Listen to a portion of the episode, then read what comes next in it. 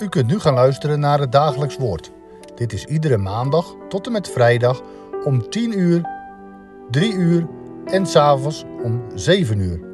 Deze meditatie wordt verzorgd door dominee Jongeneel.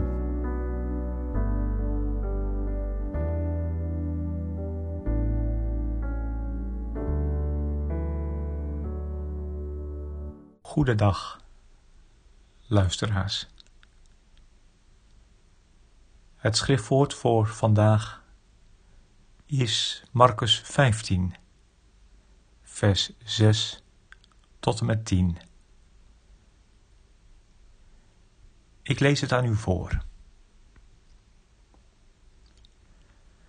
Nu liet hij, Pilatus, op een feest één gevangene voor hen los, wie ze maar wensten.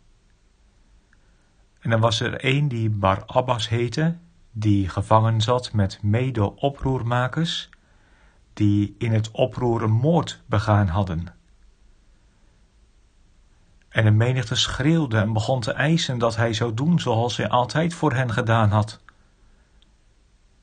En Pilatus antwoordde hun: Wilt u dat ik de koning van de Joden voor u loslaat? Want hij wist dat de overpriesters hem uit afgunst overgeleverd hadden. Tot zover het schriftwoord. Die geleden heeft. Onder die titel verscheen in 1980 een boekje met een twaalftal meditaties over het lijden en sterven van Christus. Van de hand van dominee L. Kievit. Onze oudere luisteraars kennen zijn naam wellicht nog. Leendert Kievit. Zoon van. Ofwel, de jonge Kievit. Die als predikant onder andere de hervormde gemeente van Leiden diende. In dat boekje staat een meditatie over de geschiedenis die we zojuist lazen, met als titel Op het tweetal. Zoals mensen soms op een tweetal staan om verkozen te worden. Ik stond het ooit ook op tweetal, voor ouderling. Ik weet het niet. In Jeruzalem stelt de Romeinse stadhouder Pilatus ook een tweetal op. Hij is gewend op het feest een gevangene los te laten. Mooie gewoonte. Immers, het paasfeest is het feest van de bevrijding. Het gevangen Israël mocht het slaven- en gevangenhuis van Egypte verlaten. Mooi, om op dat feest een gevangene vrijheid te schenken. Maar de mooie gewoonte neemt dit jaar bedenkelijke vormen aan. Want de stadhouder stelt een tweetal op en roept ter plekke verkiezingen uit. Het volk mag direct zijn stem uitbrengen. Je houdt bij voorbaat je hart vast. Want o wee als de volksgunst moet beslissen. O wee, wie zijn lot in handen van het volk legt. O wee, wie het volk de keuze laat. O wee wie zich uitlevert aan de wensen van het volk. Weinig is immers zo onbetrouwbaar als volksvoorkeur. En dan dat tweetal. Het is wel een heel ongelijk duo. Twee uitersten.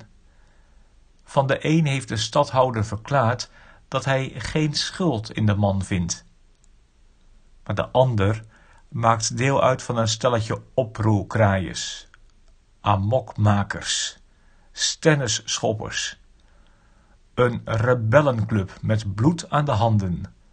Ze hebben een moord op hun geweten. Het wordt dus kiezen tussen een onrechtvaardige en een rechtvaardige. Tussen een schuldige en een onschuldige tussen een moordenaar en een menslievend man. Barabbas is de een, de moordenaar.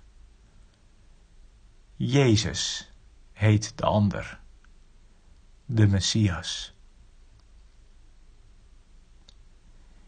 Hier kraakt het aan alle kanten. Het lot ligt in handen van het volk, terwijl er recht gesproken moet worden.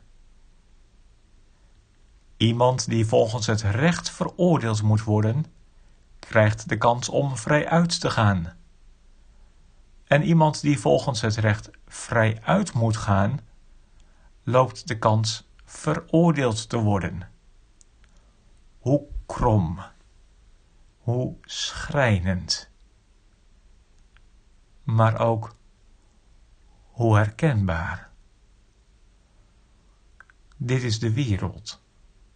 Deze wereld, onze wereld, waar het kromme recht gepraat wordt, waar het recht omgebogen wordt, waar waarheid leugen wordt.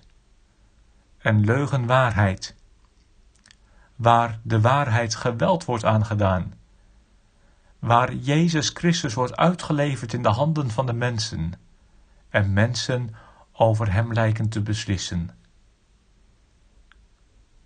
Ach, wij zullen maar niet wijzen, niet naar Pilatus, niet naar de mensenmenigte, de scharen, niet naar Barabbas ook, want wie zijn wij?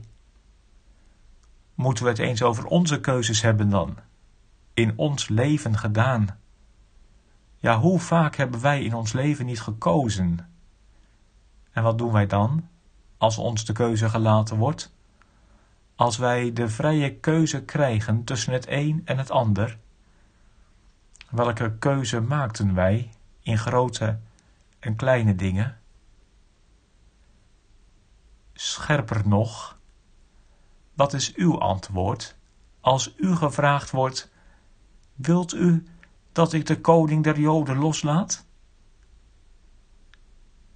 Mag Jezus Christus in uw leven vrij zijn gang gaan?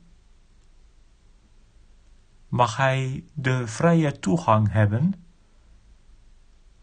Of ziet u hem liever gebonden, zonder stem en zonder macht, buiten ons domein?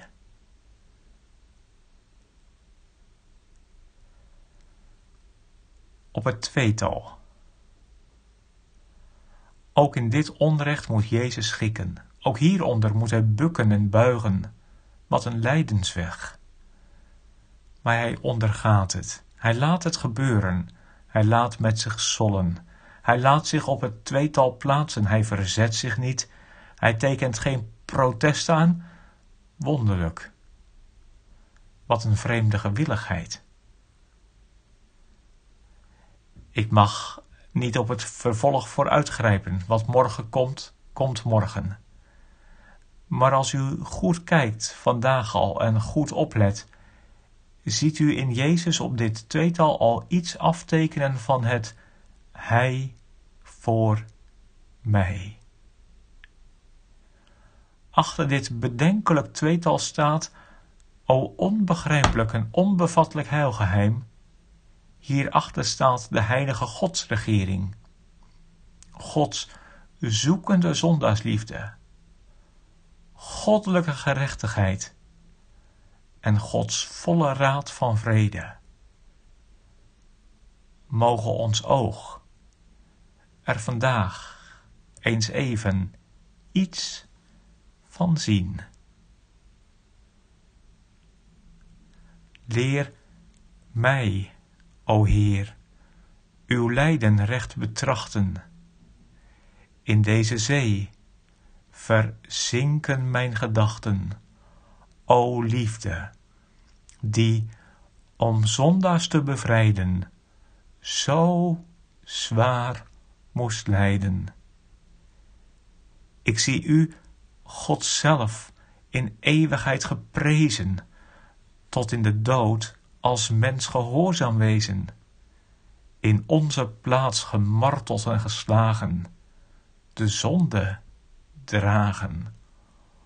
O allerheiligst, onuitsprekelijk wonder, de rechter zelf gaat aan het recht ten onder. O vreed geding, wie kan geheel doorgronden? De vloek der zonden. Laten we samen bidden. Onze Vader, die in de hemelen zijt, uw naam worden geheiligd. Uw koninkrijk komen. Uw wil geschieden. Gelijk in de hemel, zo ook op de aarde. Geef ons heden ons dagelijks brood en vergeef ons onze schulden, gelijk ook wij vergeven onze schuldenaren. En leid ons niet in verzoeking, maar verlos ons van de boze, want van u is het koninkrijk, de kracht en de heerlijkheid, tot in eeuwigheid. Amen.